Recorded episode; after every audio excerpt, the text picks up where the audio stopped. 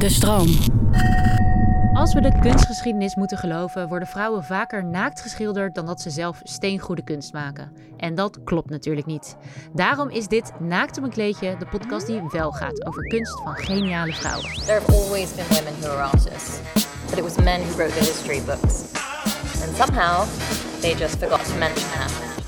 Ik ben Yukiko En ik ben Heske ten Katen. En vandaag hebben we het met emeritus hoogleraar wetenschapsonderzoek Trudy de Hu over de twee grand dames uit de westerse kunstwereld.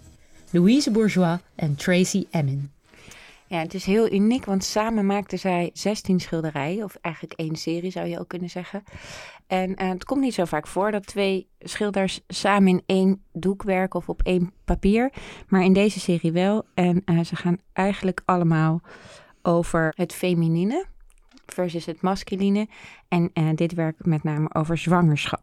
Ja, en het is een serie uit 2009. Eén jaar voor de dood van Louise Bourgeois maakte ze die serie. Die serie heet Do Not Abandon Me. En Trudy koos eh, voor ons één van deze werken. En die heeft de prachtige titel Reaching for You. En wat zien we daar, Heske? Nou, we zien een liggend getekend vrouwfiguur in een grote roze, ronde, ongelijkmatige vorm. Maar je ziet duidelijk, vind ik, dat het een vrouw is. Waarschijnlijk ook een zwangere buik. Eh, en haar hand reikt naar een blauwe, gespetterde inktvlek boven haar. Dus je ziet een pentekening in een aquarel. Ja, Trudy, welkom. Dankjewel. Leuk dat je er bent. Als je naar dit werk kijkt, want we hebben een printje voor ons liggen. Wat zie jij? Ik zie heel veel. Ik heb alsmaar gezocht ook naar verwoordingen van vrouwen zelf over zwangerschap. En die vind je bijna niet door de eeuwen heen. Wa- Wat voelen ze, wat ervaren ze? En wat je in gedichten vindt en hierin is de nabijheid en de vervreemding. Ehm, het is de, eh, Reaching for You. Ja, eh, Heske zei net, je ziet dat grote roze vrouwenlichaam zonder hoofd en zonder benen en zonder armen. Maar in dat vrouwenlichaam ligt weer een pentekeningetje van een vrouwtje. En dat heeft Tracy Emin erin getekend, want die mocht tekenen in de gouaches van Bourgeois. En wat doet dat liggende vrouwtje? Dat er reikt met een arm naar die hele onbekende inktvlek. Donkerblauw, ja. ja, donkerblauw. Er zitten ook wasjes bij waar je, waar je wel... Is het in rood getekend, dan is het, heeft het een beetje de vormen van een kindje. Maar die dualiteit van... eh, het zit in mij, maar ik zit ook in die buik. Zijn we nou met z'n tweeën of ben ik nou alleen? Ja, dat is heel spannend aan dit werk, vind ik ook. Waar ben je dit werk tegengekomen?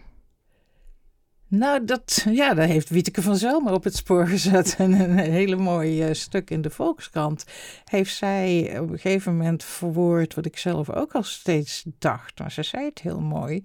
Ehm, het- het is allemaal, er wordt veel gepraat over zwangerschap, maar allemaal, allemaal ontzettend zoetelijk. En niet de ambivalenties die je er ook bij voelt. Ja, het is bijna alien, hè? Ja, Alien, ja, dat hoor ik veel van mensen ook. Ja, Ja, want je bent nu ook bezig met een boek over zwangerschap, toch? Ja, ik ben nu bezig met hoe hebben wetenschappers nou ooit eh, achterhaald wat er daarbinnen gebeurt. Je kan, je, kan, je kan niet via interviews, je kan niet echt rechtstreeks naar binnen kijken. Wij vinden het zo vanzelfsprekend. Hè? Je kent allemaal die zwangerschapskalenders wel. Oh ja, embryo. Oh ja, foetus en dertiende week en veertiende week. Hoe is die kennis nou eigenlijk gemaakt? Ooit. Door En? wie? Hoe? Wa- wa- wat ben je tegengekomen op dit onderzoek? onbeschrijfelijk veel door de eeuwen heen. Eén voorbeeld wat ik zelf heel, eh vond ik zelf zo fascinerend. Ik zat een boek uit 1672 te lezen. en, eh, van, Wauw. oh, je kan nog echt lezen, dat oude Nederlands. Oh, wat vet. Van Renier de Graaf. We kennen nu de Renier de Graaf ziekenhuis in Delft. En hij is ook bekend van de Graafse follikel. En eh, later is besloten dat waar hij het over had, over dat eitje, dat was eigenlijk de Graafse follikel. Die is groter dan een eicel. Dus die namen zijn wat verschoven. Maar goed, hij heeft het dan over een eitje in eh, de eierstokken. En dan weet hij niet of het wel een eitje mag eten. Dus dan gaat hij piekeren en denken. En wat is nou een argument? Ja, zegt hij, ja, maar eitjes, dat hebben vogels en daar zit een schaal om. Wat hebben die vrouwen dan? En hoe moet ik besluiten of ik dit ook een eitje mag noemen? En wat doet hij dan? Hij haalt ze uit een vrouw, hij kookt ze en hij eet ze op. En Wauw. proeven. en dan zegt hij, het mondgevoel is hetzelfde en de smaak is hetzelfde. Dus het is een ei. eitje. Ah. En heeft het ook een schaal dan als je het... Nee, daar gaat hij dan over piekeren. Van ja, het heeft geen schaal en het zit ook niet in een nest.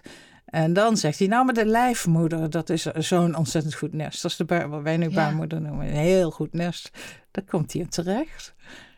En vind jij het een accurate term, een eitje? Ehm, het maakt mij niet zoveel uit in dit geval of de term accuraat is. Het fascineert me gewoon. En je ziet daarna door die hele geschiedenis heen dat ze ook kleine embryootjes noemen ze ook een eitje. Dan zeggen ze, we hebben het eitje eruit gehaald. Maar dat zouden wij dan nu een vruchtblaasje met een embryootje noemen.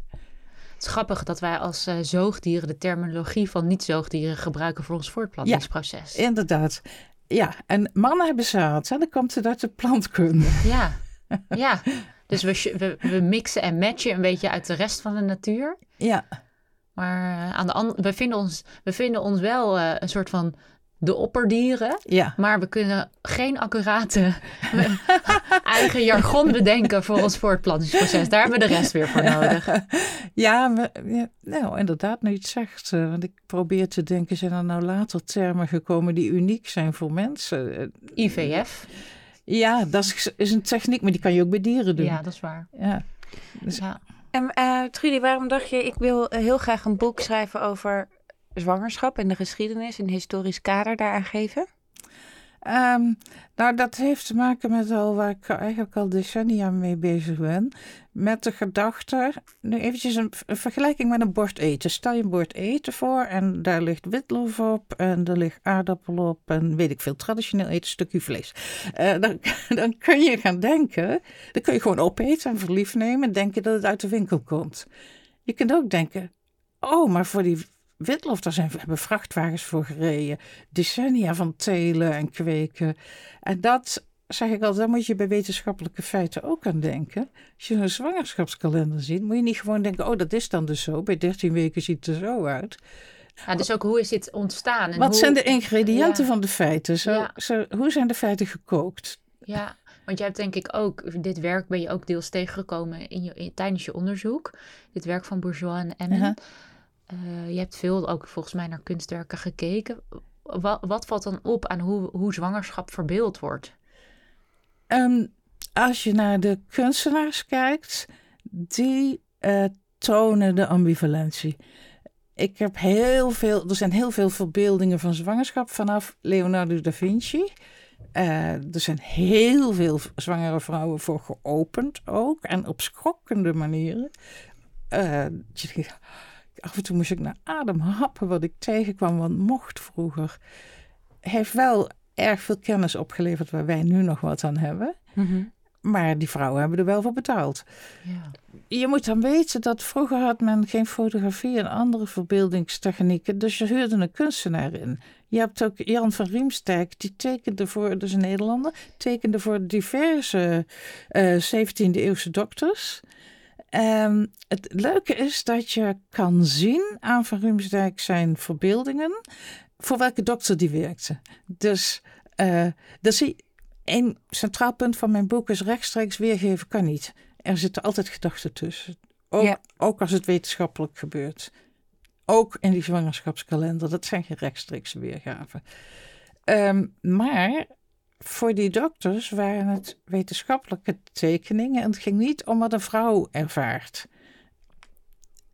Ik heb hele dikke handboeken doorgeploegd, zo dik. het woord vrouw komt er niet in voor. Praten we trouwens over de westerse medische wetenschap nu? Ja ik, ja, ik moest me echt beperken, want het is ah, zoveel. Dus ik heb grotendeels Nederland en Vlaanderen, omdat uh, was vroeger ook niet gescheiden. En een beetje soms uitstapjes naar andere literatuur.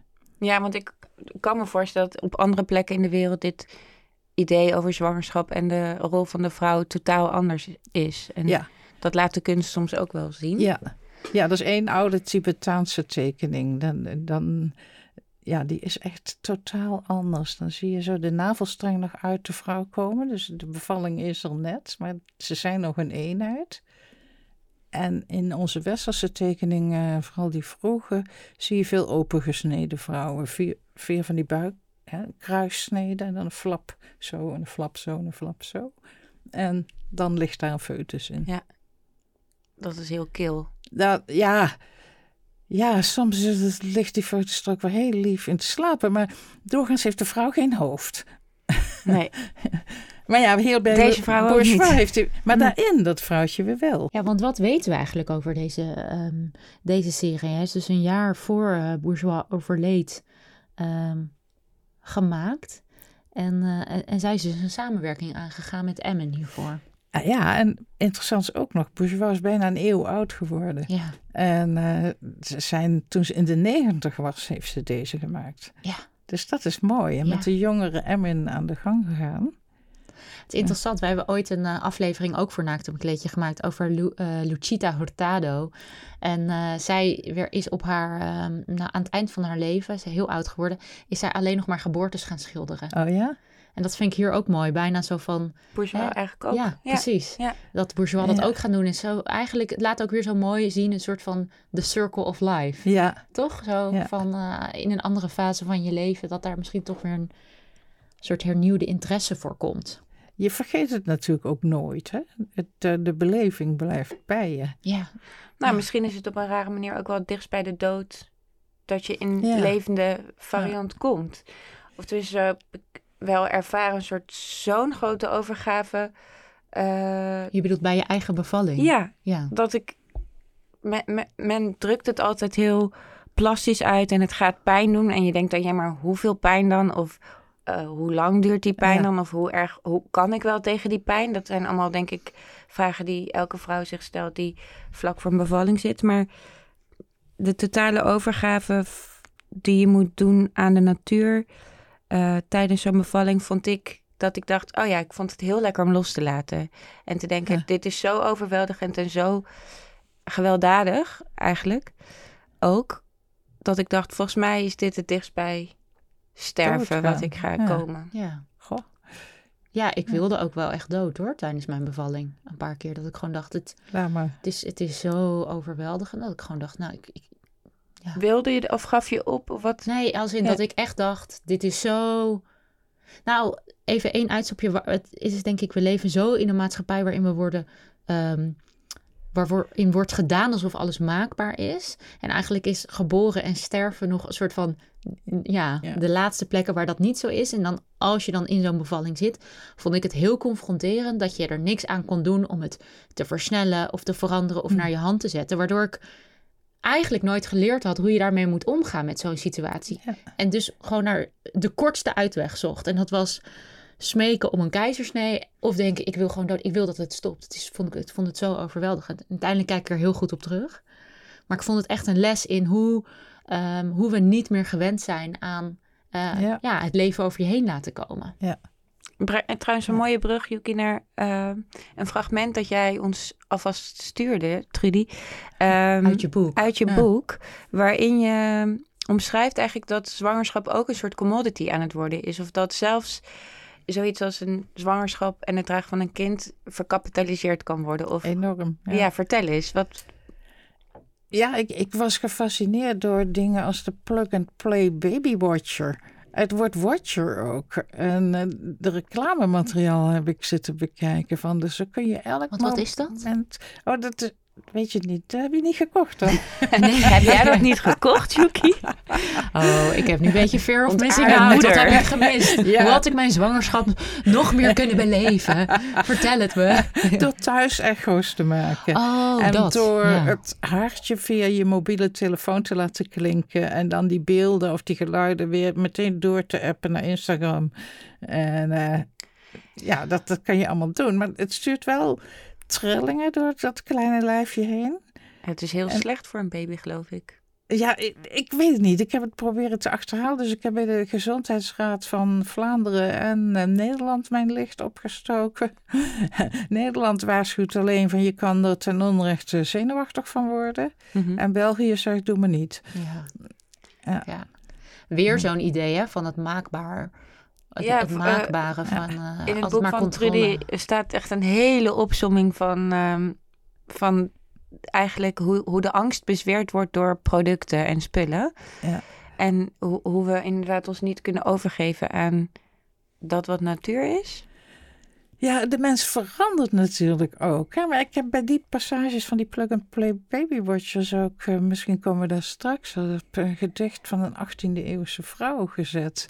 Ja, Die, eh, ja, die zegt, klein, er zit een kleine vreemdeling in mij en ik zie er zo naar uit, de eerste glimlach. En, eh, eh, en nu is het al van, kijk, bij een echt bij een pret-echo, hè? Kijk, het kindje lacht naar jullie. Het lijkt dan wel een Zoom-sessie, alsof dat kindje ook een schermpje heeft, wat, waardoor, het, waardoor het die uitstaande ouders al kan zien.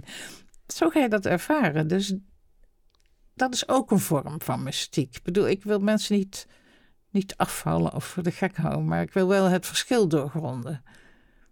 ik, wil, ik zou het wel mooi vinden om even dat gedicht erbij te pakken.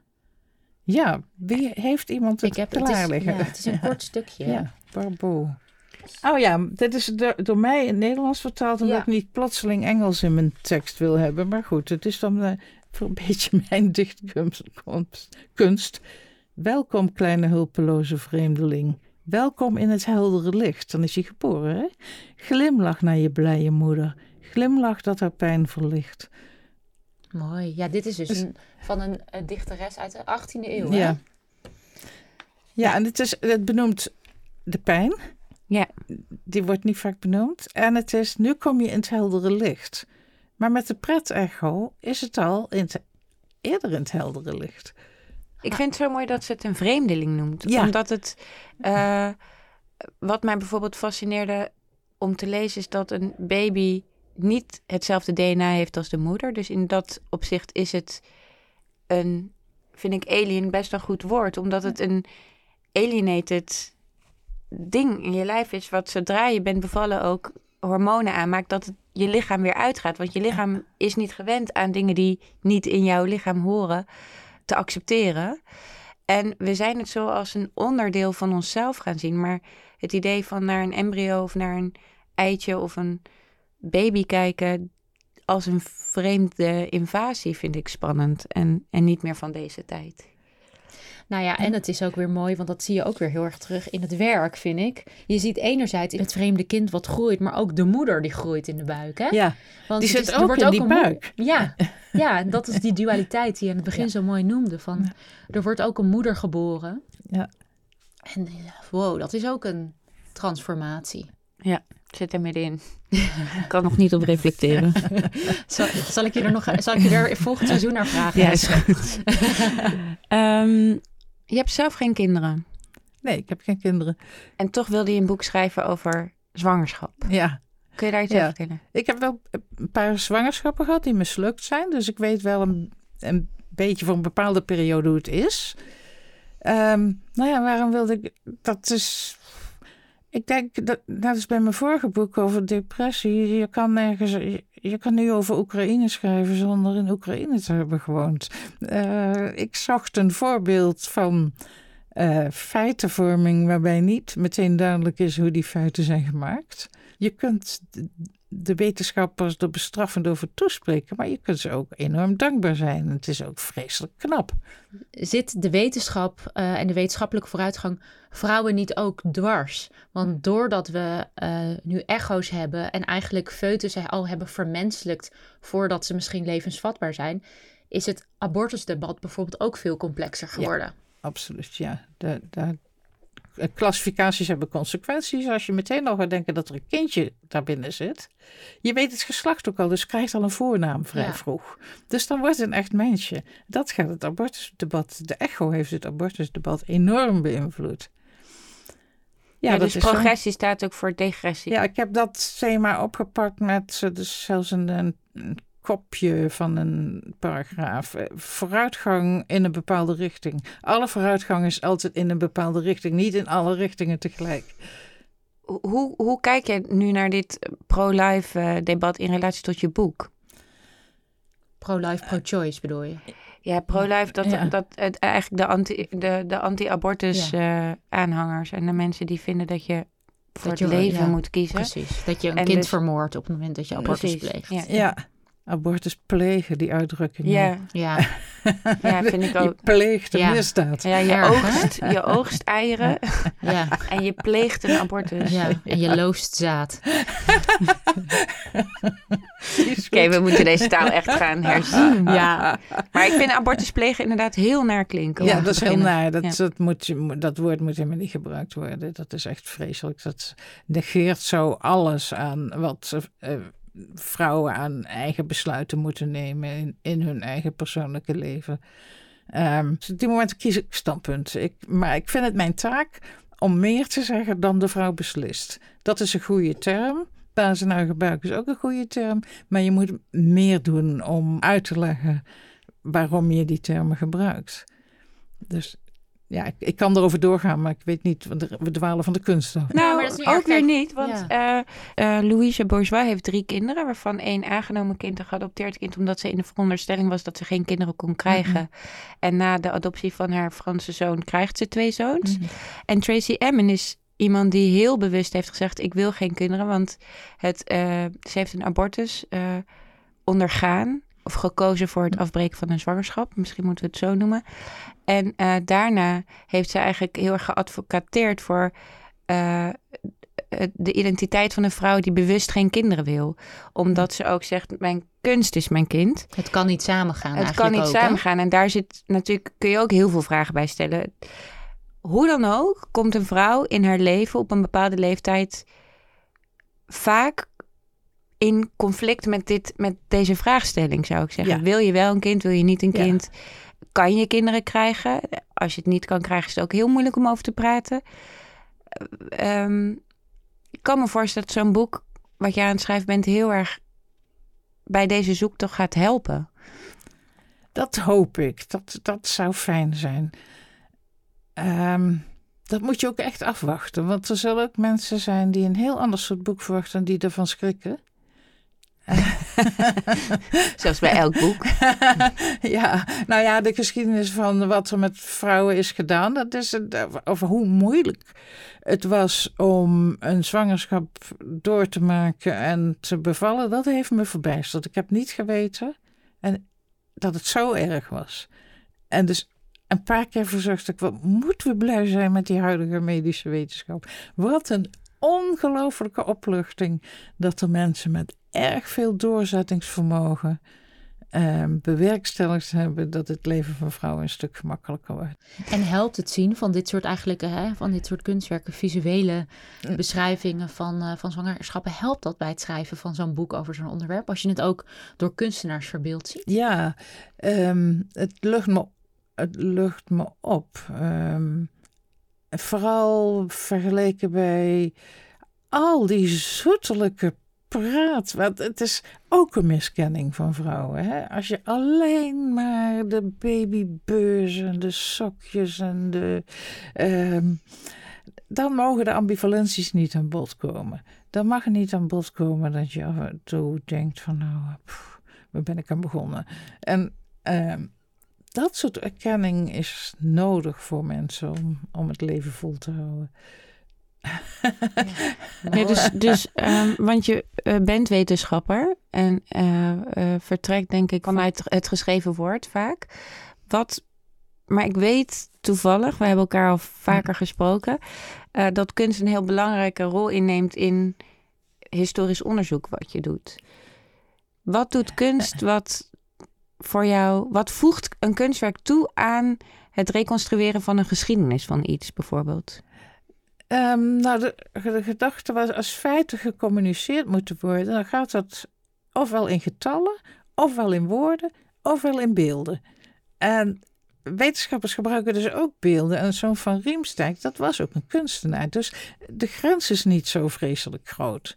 Alleen in mijn speurtocht naar wat hebben vrouwen zelf beleefd, dat is bijna niet gedocumenteerd. En dan komen de latere vrouwelijke kunstenaars aan bod. die dat wel. God, nou ben ik de, de vrouw kwijt die dit, onlangs die tentoonstelling in Nederland had over haar eigen abortus. Wat de, een Portugese vrouw. Paula Rego? Ja, Ja, In het uh, Haags gemeentemuseum. Ja. het kunstmuseum. Oh, sorry, Ja, dat heet nu het kunstmuseum. Sorry. In het Haagse kunstenmuseum. Ja, ja. ja. Ja, schokkende. Maar het kwam ook nooit aan bod dat iemand dan eh, in een pieren eentje in een kamertje iets moest doorstaan. Net als Annie Ernaux. Hè? Dat, dat Mhm. Annie Ernaux dus ook kunst. En zij beschrijft het heel goed.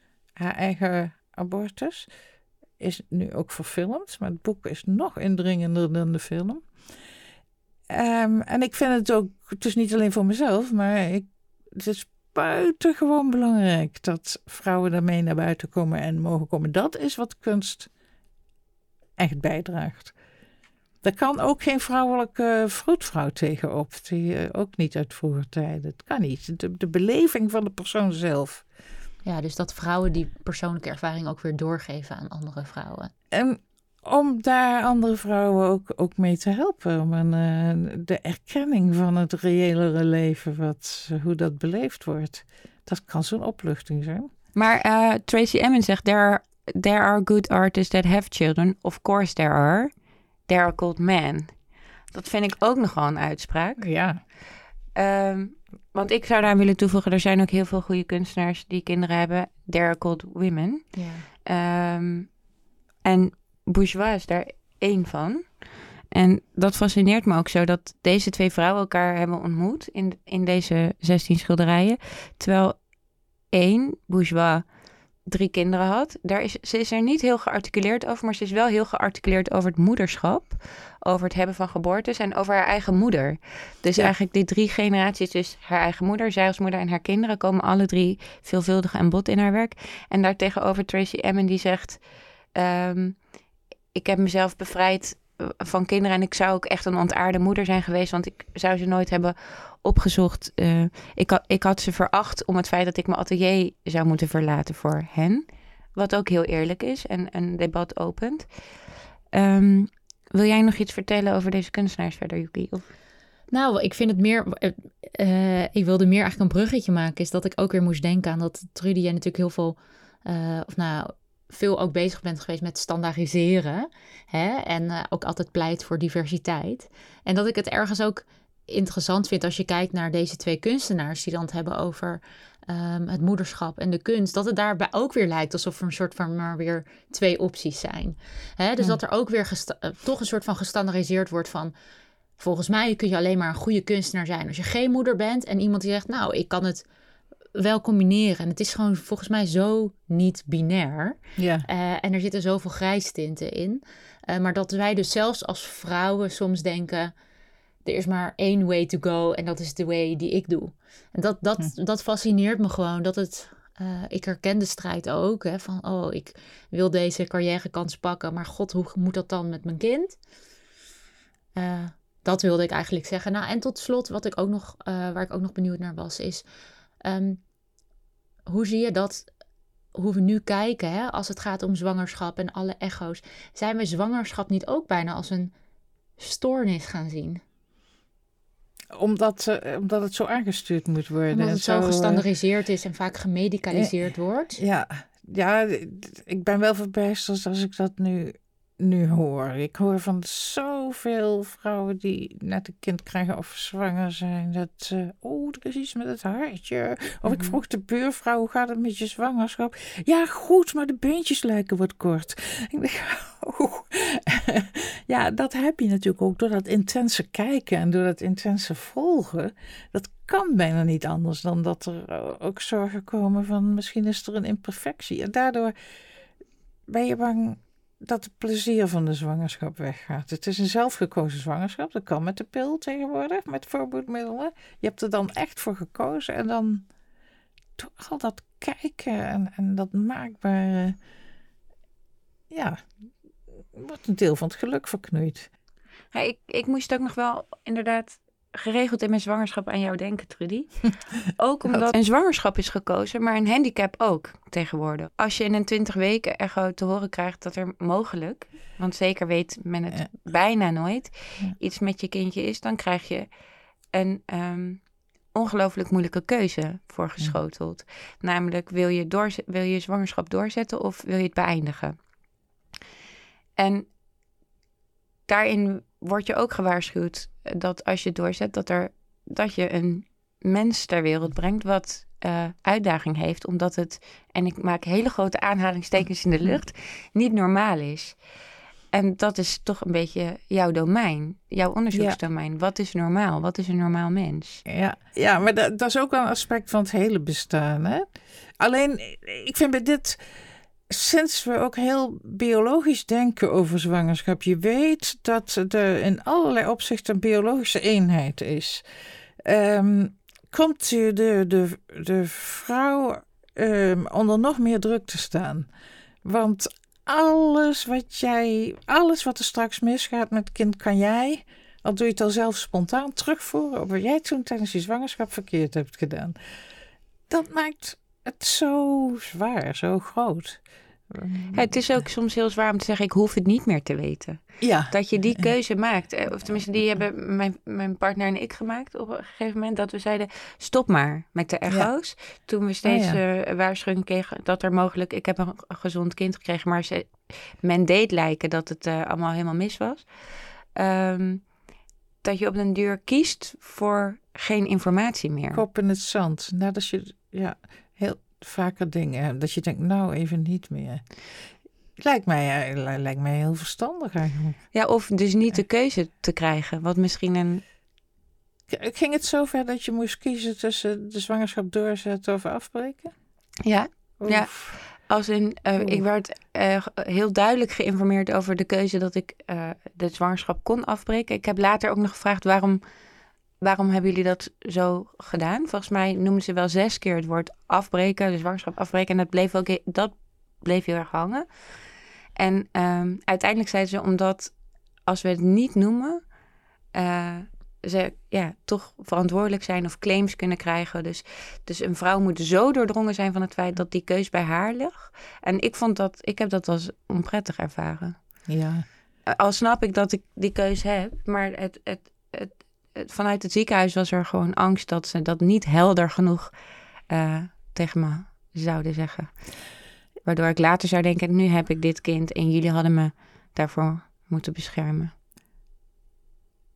Je kan het ook denken van dit is een soort dans. Ook met die artsen die voor wie dit gigantische dilemma's zijn. Dus die worden net zo goed door de nieuwe technologie op een heel moeilijk traject gezet. Dat, goh, ja, dit is echt ontzettend. Dat is wel schokkend. Hè? Dat, eh, en nou is het kindje helemaal eh, niks aan de hand. Gelukkig ook maar. Ja, Ja. gelukkig. Maar dan.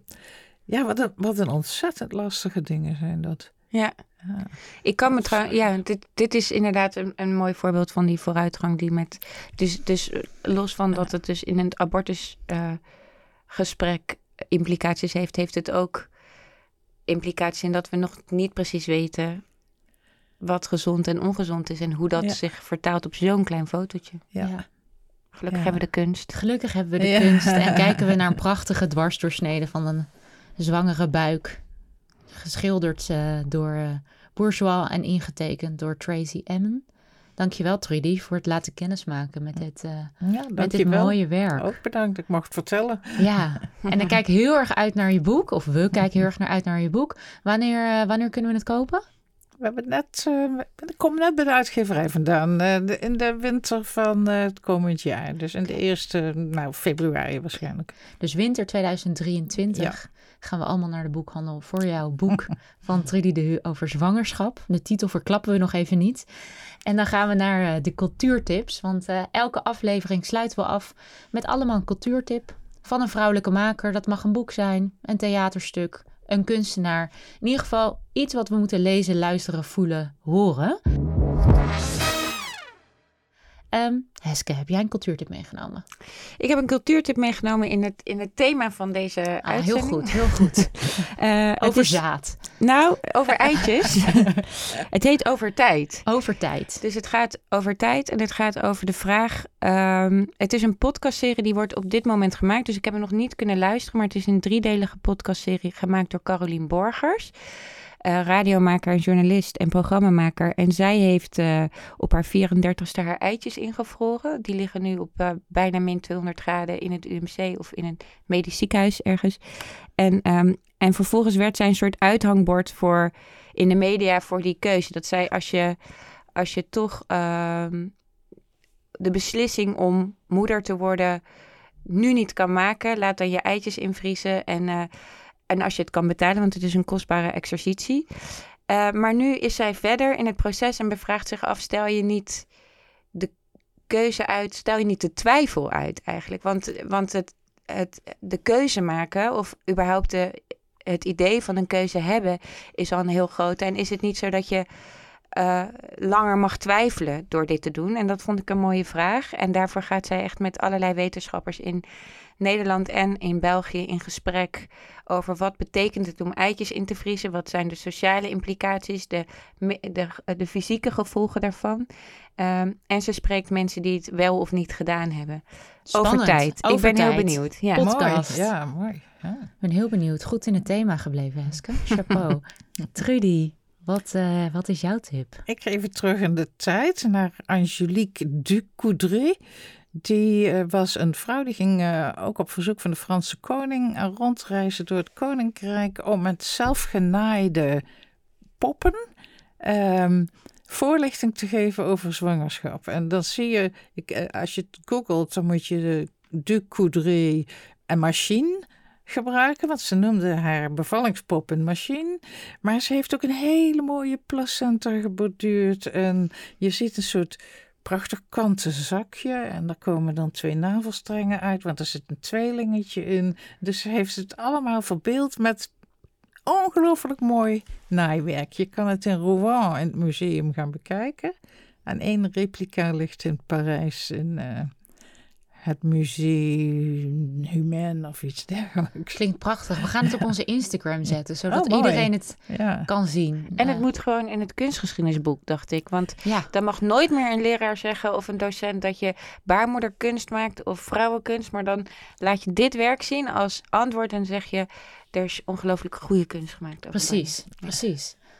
Nou goed, daar kunnen we nog een hele andere aflevering uh, maken. Maar een prachtige tip weer. Um, ik heb ook iets meegenomen. Wat ik, uh, meegenomen? Ja, nou leuk dat je het vraagt, Heske. Bedankt. Ik uh, heb het boek The Silence of the Girls meegenomen van Pat Barker. En dat is eigenlijk een, een hervertelling vanuit vrouwelijk perspectief van een van de beroemdste verhalen uit de westerse cultuur, namelijk de Ilias. Het, het vroeg-Griekse epos dat we toeschrijven aan, aan Homerus. Volgens mij ook een van de eerste orale geschiedenisverhalen die is opgeschreven. Een strijd tussen twee mannen rondom één vrouw, Helena. Uh, over de oorlog in Troje. Nou goed, wie Grieks en Latijn heeft gedaan, die weet het vast. Um, en anders heb je er ook wel over gehoord. Maar um, terwijl mannen dus uh, het bloed aan het vergieten waren, zaten heel veel vrouwen in tenten. Werden ze tot slaaf gemaakt, verkracht, mishandeld, ja. verhandeld. Uh, en ze kregen nooit een stem. zoals wel vaker tot nu toe, want die krijgen ze in dit boek van Pat Barker. Oh. Het is echt prachtig. Ik heb het gelezen toen ik net zwanger was van een dochter. Ik heb gehuild. Ja. Het is echt een aanrader. Ik krijg er nu weer een beetje kipvel van. Het is actueel ook. Je ziet die vrouwen. Mm, precies, ja? precies. Oekraïne. Ja, zeker. Het is helaas altijd actueel. Dus um, The Silence of the Girls van Pat Barker. Dat waren onze cultuurtips. Zetten we ook weer op onze Instagram. Dit was weer Naakt op een kleedje. Uh, volgende week zijn we er weer. Volg ons vooral overal. Uh, en vertellen over onze podcast aan iedereen die het wil horen. Daar help je ons enorm mee. Dankjewel. Dankjewel voor het luisteren. Kleine disclaimer. Wanneer we spreken over vrouwen in deze podcast... bedoelen we natuurlijk iedereen in de wereld die zich identificeert als vrouw. Zo. En dan nu de credits. Dank Steven Driehuis en Ika Berman voor redactie en montage. Gijs Knol en Tom Hofland maakten onze jingle. Gees Voorhees maakte ons artwork. En wij heten Hesket en Katen en Yukiko. Volg ons op @naakt op een kleedje op Instagram voor meer vrouwen en meer kunst.